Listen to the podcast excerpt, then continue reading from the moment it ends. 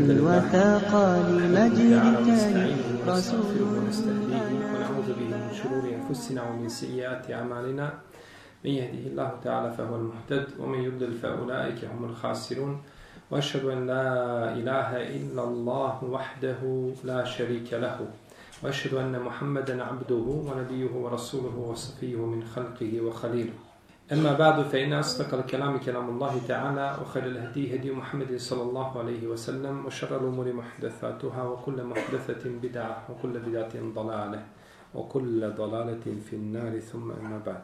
الحديث الخامس عن جابر بن عبد الله رضي الله عنه أن معاذ بن جبل كان يصلي مع النبي صلى الله عليه وسلم عشاء الآخرة ثم يرجع إلى قومه فيصلي بهم تلك الصلاة Kaže autor u petom hadisu od Muaza ibn Džebela da je klanjao radijallahu ta'ala anhu sa poslanikom sallallahu alaihi wasallame zadnju jaciju potom bi išao svome narodu i klanjao im kao imam taj namaz. Pravija hadisa je Džabir ibn Abdillah i o Džabiru smo govorili u poglavlju Tejemuma I ovdje je spomenuo Muaza ibn Džebela. Muaz ibn Džebel je častni ashab poslanika sallallahu alaihi wasallame primio je islam kada ima 18 godina. I pristvo je svim mešhedima, bitkama koje su bile tada i na Akabi i na drugim mjestima radijallahu ta'ala anhu. Časni ashab, kaže poslanik sallallahu alaihi wasallame, divan je čovjek Ebu Bekr i divan je čovjek Omer i divan je čovjek Muaz ibn Amr ibn Džemuh i divan je čovjek Muaz ibn Džebel. Pa je poslanik s.a.v. pohvalio, znači, u ovome hadisu Muaz ibn Džebela, tako bilježi imam tirmizi sa dobrim lancem prenosilaca. Muaz je jedan od četverice a, koje je poslanik s.a.v. spomenuo u hadisu kada je govorio od koga da se uzima Kur'an. Pa kaže, uzmite Kur'an od Ibn Mesuda i uzmite Kur'an od Salima Meula Ebi Huzeife i uzmite Kur'an od Ubeja ibn Ka'ba i uzmite od Muaza ibn Džebela.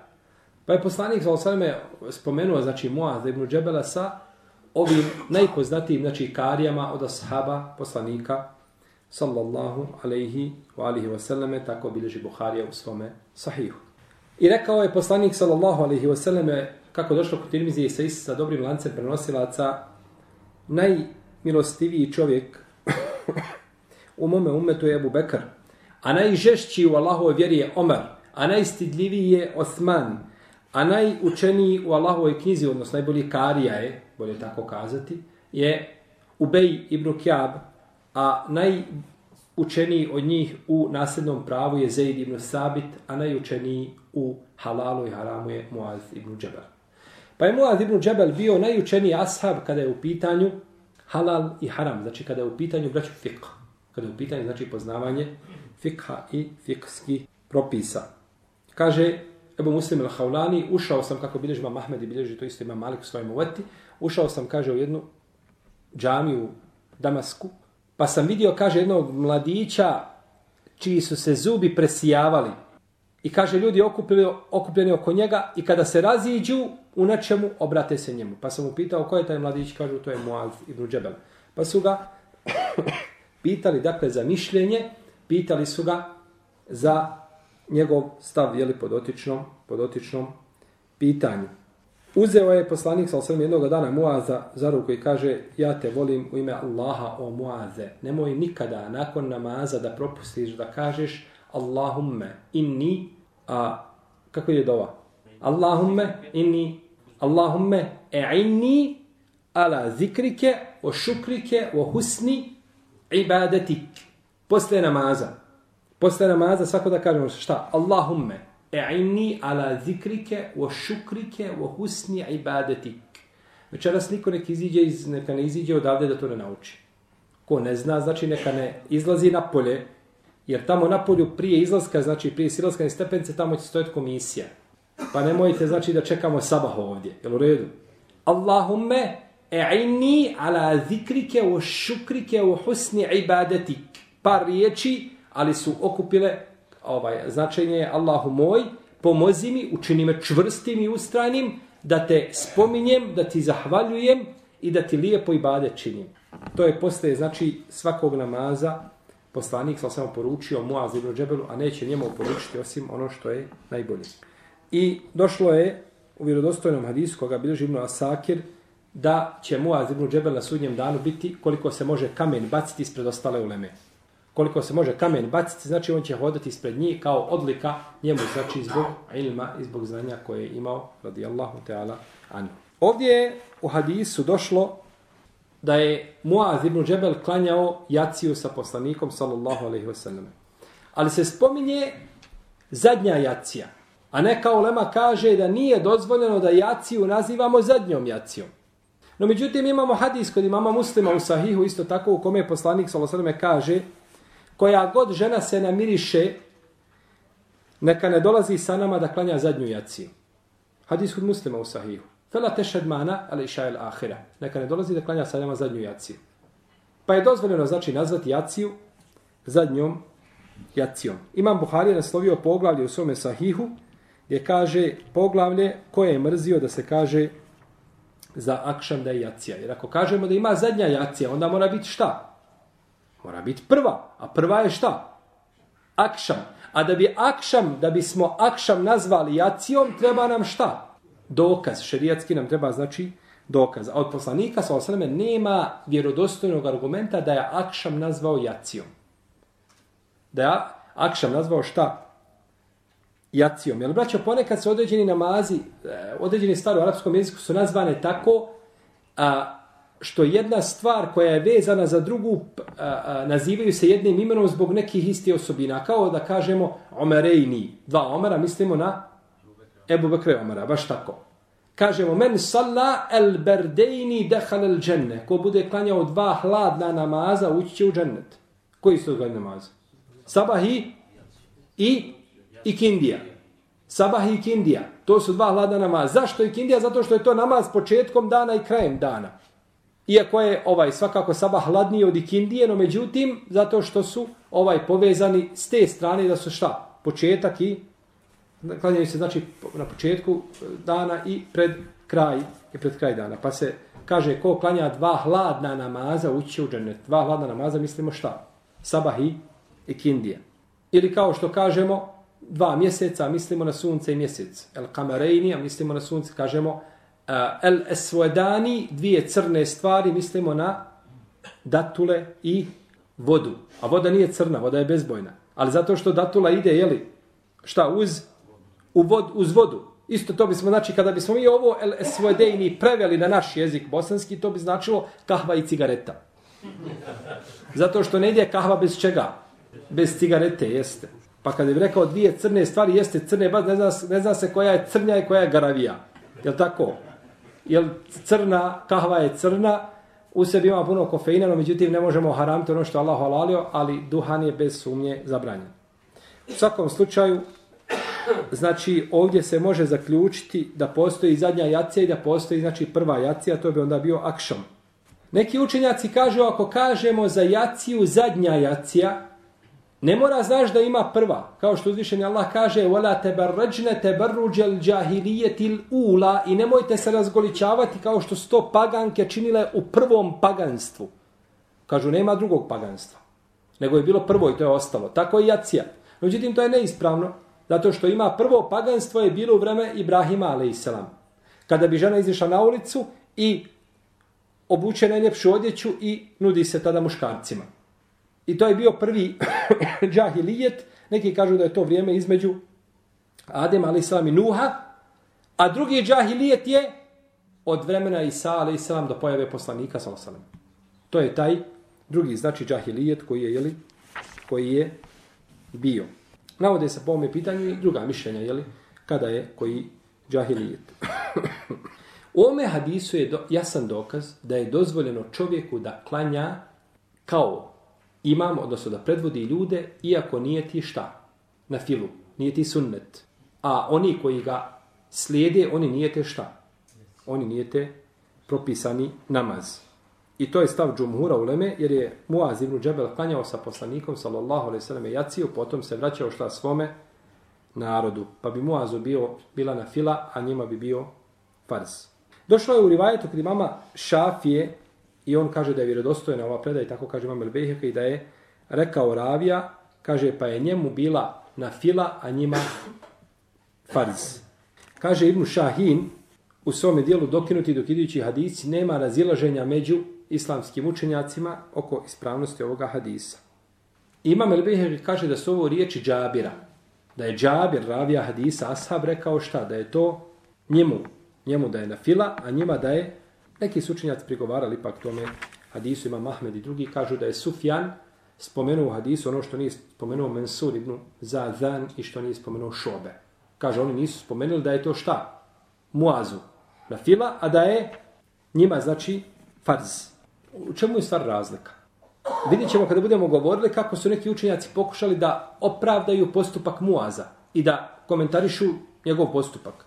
Pa ako je Ravija rekao njemu je bila na fila, onda više nema mjesta čemu?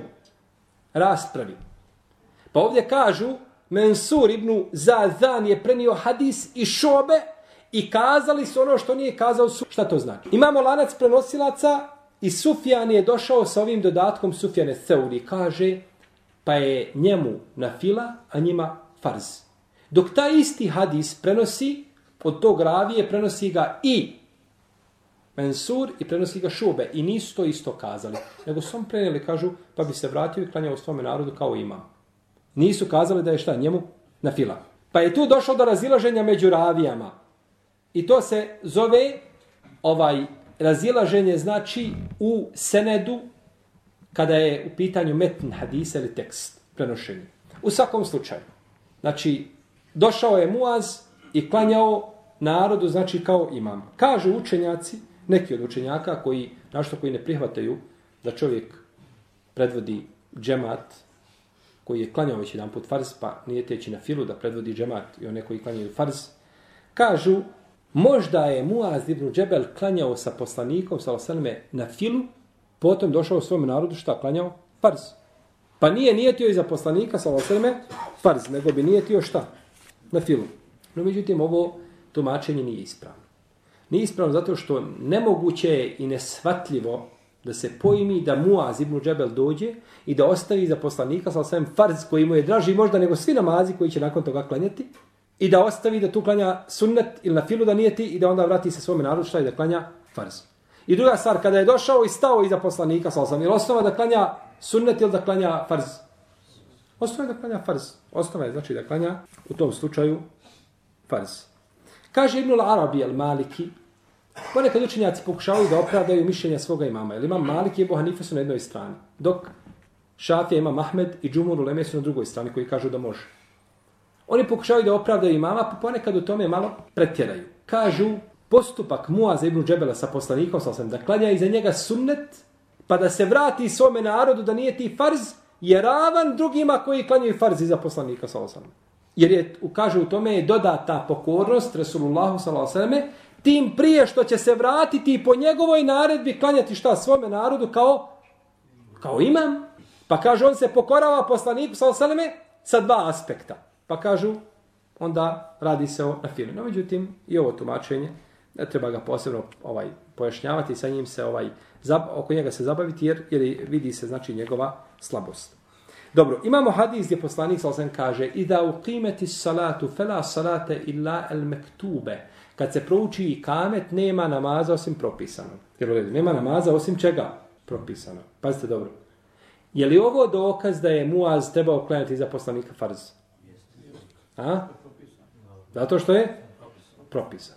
No, međutim, ovo braći nije dokaz. Ovaj hadis, šta? Možda nije čuo i kamet. Možda je poslije došao. A, molim? Osim ako je klanio već fars. Ne, ne, ne, ne.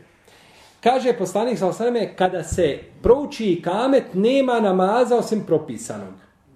Misli se, nema namaza osim da klanjaš sa imamom, taj namaz koji se klanja ne ulazeći u tvoj nijet.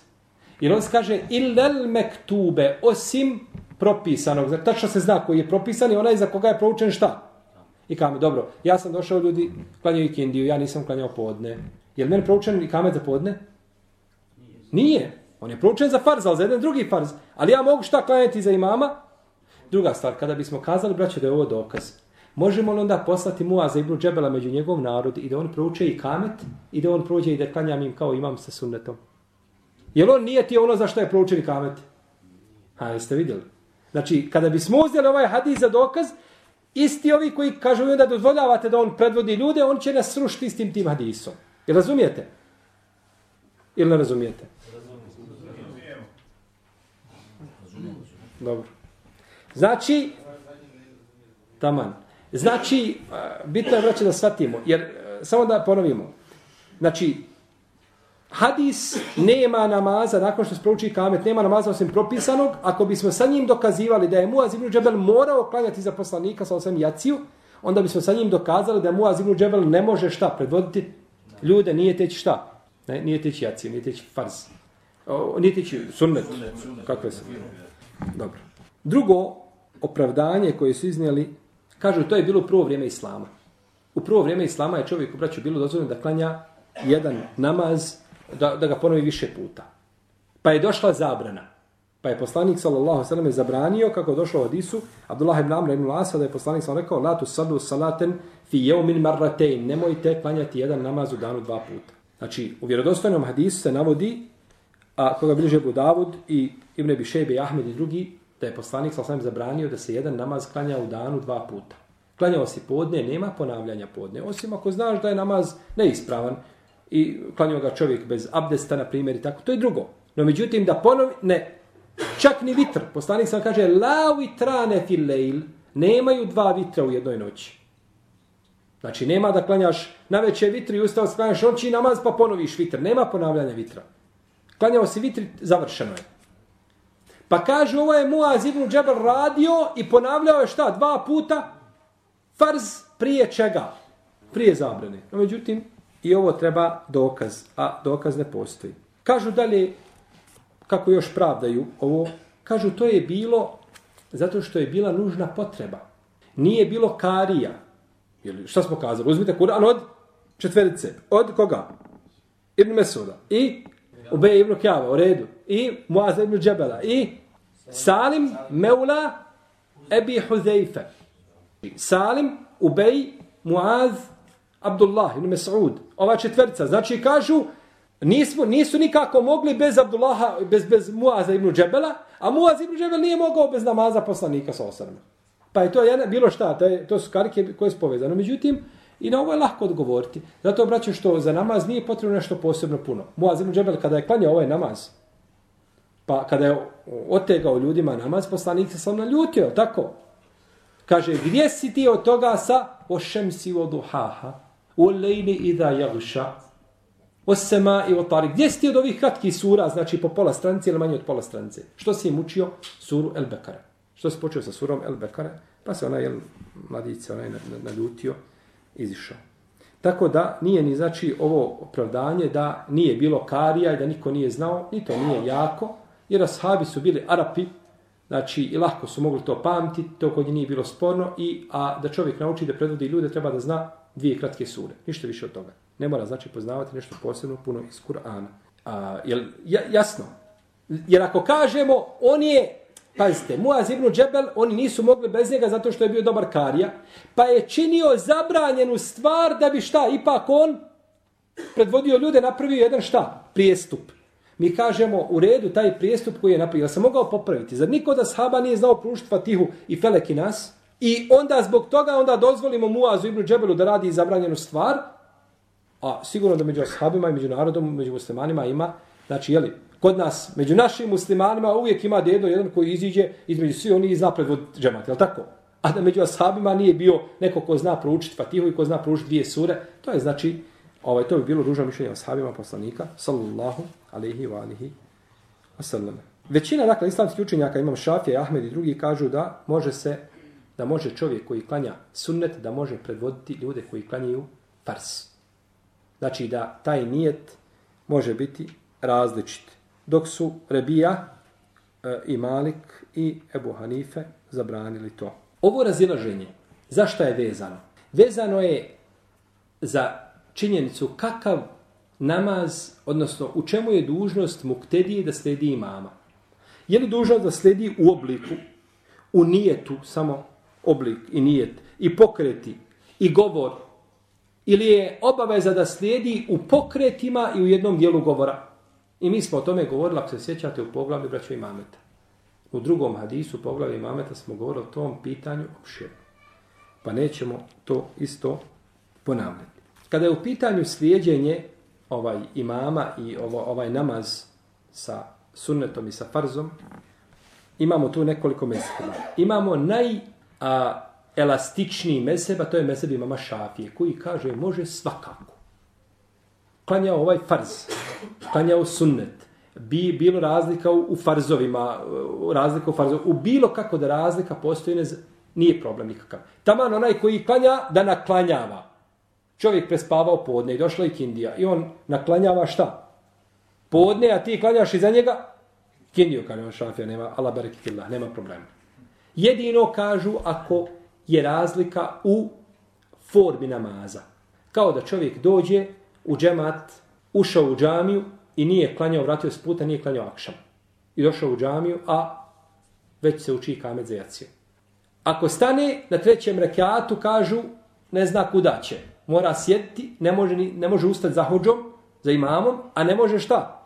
Ne može sam završiti namaz. Kažu, takva slika ne treba da bude. Znači, ako je u tom slučaju, onda neće za njega biti. Šta će čovjek uraditi, taj koji desi se, po jednom mišljenju, jel? Kažu, pusti ga da klanja jedan rekiat. Da završi prvi rekiat. Kad završi prvi rekiat, on mu se šta? Prije koliko mu je ostalo? Tri. Tri tamo završi sa imamom. A to sjedenje što se tiče sjedenja sami, što će biti sjedenja poremećena, to nema veze nikakve. Jer čovjek dok zakasni za imamom, te sjedenja poremećena. Znači, navodili smo primjer kako čovjek može akšam klanjati sa četiri tešehuda, ali tako? A u stvar akšam ima dva tešehuda. A ti ga klanjaš četiri i nikvi, nikakve smetje nema zato što se za imamom, znači, pa ne bi, ne bi smetalo. Pa je ovdje, ovo mezeb imama Šafije, on je najširi. Imamo drugi mezeb koji je najtješnji, a, a to je da ne može znači biti razlika u nijetima nikako znači između imama i muktedije. I imamo treći koji kažu može ako onaj koji je imam da klanja farza, onaj iza njega sunnet. A ne može obratno. Ovo je nekakav srednji, jeli, srednji mezheb. I to su odabrali imam Ebu Hanife i Malik. Kaže imam Kurtubi da je stvar vezana za riječ poslanika sallallahu alejhi ve selleme inma ju'ila al-imamu li yutamma bihi fala tahtalifu alayhi. Imam je da se slijedi pa nemojte se razilaziti od imama. No međutim braćo ispravno je da čovjek treba da slijedi od imama njegove spoljašnje one pokrete. I jedan dio govora kao što je Fatiha i ono što se uči na tešehudu i slično tome. Ono što mora da uči. A u protivnom nije dužnost čovjeka znači da slijedi imama u svemu u svemu drugom. Jer poslanik sa kada je rekao ome hadisu, imam je da se slijedi, nemojte se razilaziti od njega. Šta kaže dalje? Ko zna? Kaže, pa kada učini ruku, učinite i vi. Kada se digne sa ruku, dignite se i vi. Kada kaže se mi Allahu limen hamide, recite rabbena volekre, kada učini seždu, učinite i vi. Znači, pokreti su pitanje, je tako? A nije u pitanju, znači, sami nije, Jer nije došlo, znači, Di su nije spomenut nijet. Pa kada je rekao poslanik sa da imam da se slijedi, misli se na šta, na spoljašnje, pokreta i svakako jedan dio govora koga je dužan čovjek da uradi i ako bi digao ruke na početku namaza ne bi kazao Allahu Akbar ne bi mu koristio. Jer nije šta ušao nikako u nije ušao nikako u namaz. Kaže Ibn Battal, Ibn Battal je malikijski učenjak koji ima komentar na Buharinu zbirku hadisa. Danas je štampana ta, taj komentar u 9 ili 10 tomova je štampan. On kaže da može čovjek koji nije ti sunnet predvoditi onoga koji nije ti farz, onda ne bi bio propisan namaz u strahu. Na način kako jeste. Kako se klanja namaz u strahu? To smo objašnjavali. Jedan od načina jeste da imam stane. Kaže Allahu ekvar. I klanja jedan rekiat. I ovi iza njega šta završe? Sami. I odeše na liniju, preuzimaju mjesto, ovi se vraćaju i nije te iza imama koji stoji šta na drugom rekiatu. Pa je njemu drugi, a njima prvi. Pa on sjedne i preselam i oni naklanjaju jedan. A oni su prvi, šta? Klanjali drugi bez koga? Bez ja. Kažu da je dozvoljeno dva puta da se klanja, onda ne bi imam tako čekao i stojao jeli, dok oni se zamijene, nego bi znači klanjao jednima i drugima. Ali došlo, u hadisu je došlo, znači, kod imama Hakima i kod drugi, i kod Ebu Dauda, da je poslanik sa osvijem klanjao, znači, ba, upravo tako, da bi klanjao jednima jedan jedan put, pa kad odu, pa se vrate drugi, šta opet njima ponovi, znači isti namaz. Tako je došlo. Od Isu kaže Ibn Katan da je ovaj hadis prekinutog lanca prenosilaca. Zašto? Zato što je Ebu Bekra, ashab, primio islam nakon opsjedanja tajfa i kada poslanik sam više nije imao potrebe za nikakve za namazom u strahu. Kaže, on je primio a, a, islam šta relativno? Kasno. No međutim, braćo, zar nama Ibn Abbas ne prenosi određene stvari što je bilo u vreme početka islama? Za nama Aisha ne prenosi kako je dolazila objava poslaniku, sa sa nije tad bila ni rođena nikako. Jel nam prenosi? Pa, čitajte početak eh, Sahih Imam Buhari. Hadis je od Aisha objava, ona tad nije ni uopće bila rođena. Znači, ovaj, to što prenosi Aisha, to je Mursel Ashaba, braćo. Mursel Ashaba. A Mursel Ashaba je priznat ko sve uleme. Jedan ashab nije bio na jednom mjestu i priča nam šta se je desilo. On nije bio tu. Je li hadis daif? Nije, jer on to čuo od koga? Od drugog ashaba. Svi ashabi su pouzdani. Tako da, ovo što je rekao Ibn Kapan, ova, ova njegova opaska da je hadis slab, u tom kontekstu nije ispravno. Zato što Ebu Bekr, iako nije bio tu tada, ovaj, jer braćo, zato je kod sve uleme se prima hadis ravije, koji je bio kafir i čuo nešto od poslanika, sallallahu alaihi sallam, i nakon toga primio islam. Na primjer, došao Ebu Sufjan kod poslanika sa osaname i pričao sa njim i razgovarao i, od, i nakon toga primi islam i priča šta je za vrijeme kufra se dešavalo. Je to priznato? Jeste, li to nam priča ko? Musliman nam priča ashab poslanika sa koji je pouzdan ko sve, jel ko sve ehlu sunnita od džemata. Osim onih koji ima Allah srce za za stro, oni onako nisu jeli, u tom korpusu. Pa taj hadis znači je prihvatljiv. On je prihvatljiv, znači ne možemo se s te strane, ne možemo se s te strane prigovoriti. Ovdje navode još učenjaci ovaj različite ovaj pitanja vezana ako čovjek klanja farz, a ona is, ispred njega klanja tespih namaz. A tespih namaz da ulema ima razilaženja oko tespija namaza, oko forme tespiha namaza. Ovo je općenito oko propisanosti tespiha namaza da mnogi odbacuju te hadise da i ne prizuju nikako. Pa ako čovjek klanja tespih namaz, ona iza njega koji klanja pa u razlika je u formama. Ali ono što je definitivno jeste da se ne može iza dženaze klanjati šta? Farz. To je definitivno, jer to su, dženaza namaz se zove namaz zato što je znači u jednom kontekstu ima početni tekbir, ima selam i tako da neke stvari namazom, međutim to nije znači kao namazi koji su ovaj koji su jeli, uh, one forme kao jeli, namazi koji su propisani i ima ruku i gdje imaju jeli, srđu. To je nešto bilo o petom hadisu, hadisu Džabira. Nakon toga nam dolazi šesti hadis Enesa ibn Malika, wallahu ta'ala alam, wa sallallahu ala nabina Muhammed, wa ala alihi wa sahabihi ajma'in.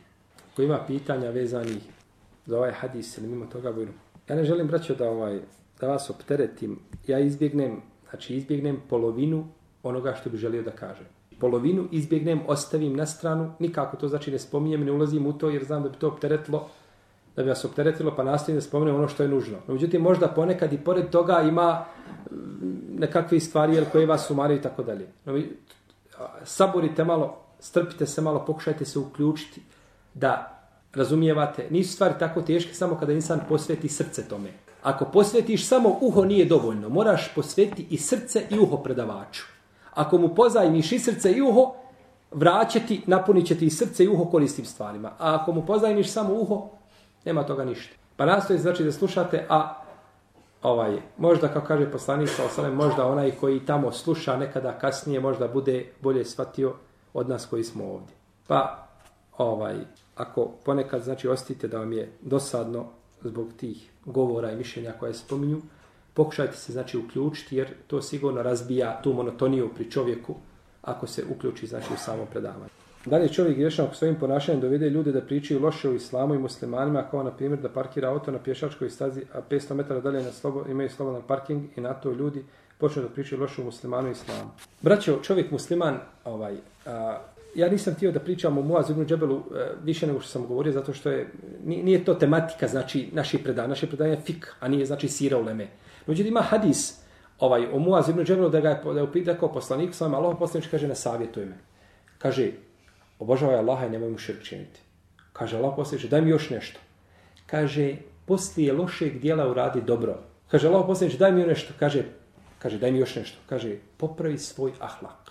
Popravi svoj ahlak. Pa mu je poslanik sam znam dao kako će biti muahid, kako će Allaha iskreno obožavati i kako će živjeti na teuhidu, umrijeti na teuhidu potom mu je dao kakva će dijela činiti nakon toga, nakon lošeg dijela da čini dobro i nakon toga to je između njega i njegovog gospodara da popravi stanje i ljudi svakako i treći je posebno vezan za ljude, kaže popravi svoj ahlak. Pa je na takav način čovjek braćo bio dobar rob svome gospodaru i imao bi šta? Lijep odnos sa ljudima sa kojim živi. A ovaj odnos braćo sa ljudima je jako bitan. Čovjek mora uvijek nastojati i truditi se da dadne a ovaj islamu e, znači da predstavi islam u najljepšem svjetlu. Tvoj jedan kažu u psihologiji da čovjeka kada prvi put sretneš i prvi put ga vidiš i slika koju prvi put vidiš da treba 20 godina da je izbaciš iz, iz mozga. Prvi put ga sreo, a on nasmijehnuti pružio ti ruku i lijepo se obratio. 20 godina treba da taj osmijeh zablijedi da se više ne vidi. A sretneš ga tako isto prvi put na košturena, namrštena. Odmah ti, još samo mu rogove ne vidiš na njemu. Isto tako ne možeš, sve možeš, ali to, to ne ide iz očiju ta slika. To je ta prva slika koja ostaje pri čovjeku. Jako bitna. Pa tako da čovjek, ovaj, jer ne znaš nikada kako će, ja sam danas braćo bio ovdje klanio Kindiju, došao jedan momak ovdje nešto traži. Kaže, gdje hođa? Rekao, ja sam hođa, rekao, reci. Kaže, trebam te nešto pitati. Pa rekao, sad je rekao vrijeme namaza, rekao, hajde posle namaza. I otišao, izgubio se, on negdje nije došao da klanja, nije, nema njega, ja se vratio, on stoji ovdje na hodniku. Meni krivo, u džamiju se živ bio došao, znači, i, i kamet se uči, ti si pobjegao zemlje kamet i posle toga se vratiš, trebaš nešto od, od, odhođe. Ja sam na to mislio da hoće da se vjenča ili nešto, ili kao obično ljudi dolaze. No, međutim, ja sam to progutao i onako mukami, uđi, kad on uđe u tamo bilo, kaže, ja sam došao, kaže, da se vratim Allahu i da se pokajem. Turčin, ma 20 godina. Kaže, neću više da budem ono što sam bio, kaže, hoću da budem pokoran Allahu. Kaže, kako da se vratim Allahu i šta da radim? Ti ne znaš, znači, E, tvoje ponašanje s tim čovjek, tvoje ophođenje, ne znaš kako, mogao si ga dočekati, u facu mu sve sručito nakon što nije klanjao i, i opeglati ga, istuširati ga u minuti i da čovjek kaže, taman, došao sam u džamiju, neću nikad više u nju ući. Možeš mu biti razlog da mu spriječiš ulazak u džamiju, ili tako? Tako je, braćo, općenito čovjekov život. Kako god da bilo, ti si musliman i nije stvar više da ti kažeš pa ja ako hoću imati lijep ahlak, ali ako se neko ovaj pravi puno pametan, mogu ja pokazati zube. Ti možeš pokazati zube kao ti, kao čovjek, kao persona, individua, a ne možeš pokazati kao ambasador islama. Tu nema pokazivanja zuba. Jer islam ne pokazuje zube, neko pokazuje nešto drugo. Pokazuje lijep ahlak, jel u redu? Pa tako da čovjek braćo pozna svoje ponašanje i na parkiranje i na sve, znači na, na sve moguće ovaj jer kako ćeš ti ljude pozivati na dobro, odvraćati od zla ako sam to zlo činiš. Tako da čovjek poštuje znači ovaj prava drugih, nema sumnje da u tome koristi i prikazivanja islama po, na pogrešan način, nema sumnje da je čovjek odgovoran za to. I zašto danas ljudi ne primaju islam zbog muslimana? A jeste vidjeli da neko ode u Egipat, ili ode u Jordan, ne znam, ode, nije biti u Saudijskoj Arabiji, prošeta ulicama i vidi muslimane i kaže, ja rab, dok vidiš one muslimane, odmah i ti se pre, nekako pre, pre, transformišeš u muslimana. Niko to ne kaže, budajte se bo kakvi ste, bola. I zato danas u arapskom svijetu, kada, te, kada pravi termin, kaže, hoćeš termin engleski ili naš domaći. Znači, ako je engleski termin, onda znači tačno je 8. Ako je domaći, onda je između 8 i 2. Kad bude? Ala bereketillah. Je tako? A ne, to je pogrešno. Trebaš da hoćeš naš termin, e onda je tačno u 8.00. A ako hoćeš nečiji drugi termin, oni onako nemaju pravila i principa. To, to obratno trebalo da bude. Tako da čovjek ovaj svojim braćom ponašanjem, da dobro pazi na svoje ponašanje, jer ljudi gledaju i važu tvoje ponašanje. I ne znaš nikada kada neko zbog tvog lijepog, tvog lijepog ponašanja možemo Allah srce otvoriti prema islamu. Jesu. Ima jedan mladi tuči, isto sanjao, puno sanjao ovako sanje, mislim, zlio nekako da kaže. Onda je sanjao da je umro i da ga je pokopao i pođao. Da kaže, bio sam kod njega, pitao mene šta da radim, šta je to. Ja kažem, ne znam, ja sanjao, ali... Kaže, ja bio kod hođe i kaže, ja sam sanjao, umro sam i ti si me stavio u grobu, kaže, unutra. Kaže, koža, kaže, ja ću tebe pokopat taj verovatno. On meni, ja, ja mu ja hoću još da živim, kaže. Kaže, ja to da bi hoću prvo. On sigurno će živjeti do sutra, da neće prije tebe umreti.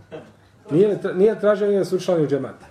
Da. Ja vam kažem, Allah uzorava da se vratiš islamu, da radiš stvari koje nisu od vjere, ali ti to znaš dobro i hoće da panjaš te bakada. A danas za Indiju sam bio u Turskoj džami, je ovaj kad uči kamen, on stvarno, ne može čovjek da izdrži, on kad uči kamet, uči duže nego kad se uči ezan. Mm. I on do pola dođe, pođa Allahu Ekber, i veže se, pola se vežemo, on i dalje uči kamet do kraja. Pa znaš kako, što se tiče ovaj, što se tiče i kameta, znači on je u hanefijskom mezebu kao ezan. S tim što hanefije jasno kažu da je on kraći po formi, znači po učenju, ne može biti tako dug, nema, nema tih dužina. A što se tiče donošenja tekbira prije završetka i, kamet, i kameta, to je po jednom mišljenju kod Ebu Hanife i Muhammeda. Ebu Jusuf ne kaže to. Ebu Jusuf je mišljenja šafije, da se donosi kad se završi i kamet, onda ide šta? Tekbir. Ali kod Ebu Hanife i kod Muhammeda po jednom rivajetu kaže, kada on kaže, kad kameti salatu, hođa kaže Allahu ekbar. Neće čekati, znači da završi. Tako da je to po mezhebu. A što je po mezhebu? Tu je elastičnije puno nego nešto što je po tradiciji. Pa da Bog da, ljudi hoće da rade po mezhebu, mi bismo bili sretni da rade po mezhebu kako, kako mezheb nalaže. Tako da je to donošenje ima i kod nas u pojedinim džani. Ja sam možda par puta da sam u Bosni tako isto primijetio da određene hođe znači donose tekbir prije nego što završi ovaj. To je kažemo po mezhebu, ali je ispravno ono e, e, što je na čemu imam Šafija i o, Ebu Jusuf, a to je da imam završi, znači i kamet i tek nakon toga da donosi znači ovaj da se donosi počet, da imam donosi početni tekbir, jes. Znači to ne smeta, ali problem u tome što on učini tekbir, pola tekbir i stojimo dok on, jer on uči toliko dugo da sigurno još minut. Rasteže puno, jest. Ne, ne, to je pogrešno. Razlika mora postojati znači između između ezana i kameta u tom pogledu. Šejh, gdje mi reci, ovaj, mi smo pričali nedavno isto u vezi onoga usulenja i, i, i, i ovoga, abdesta prije gusula. Da li je ispravno ako čovjek samo uzeo gusul bez abdesta? Da li može klanjati namaz? Može, to je ovaj, uh, jer uzimanje gusula prije onoga abdesta prije gusula je sunnet, nije vađib, je sunnet. No međutim, to je suprotno sunnetu, jer poslanik znam nije tako radio. No međutim, da li bi imao abdest, imao bi, ako bi zapravo usta i nos, on je opravo sve dijelove tijela. Tako da bi u tom slučaju imao abdest. No međutim, uh, ono što je, što je uh, poslanik za radio jeste da bi uvijek abdestio prije gusula.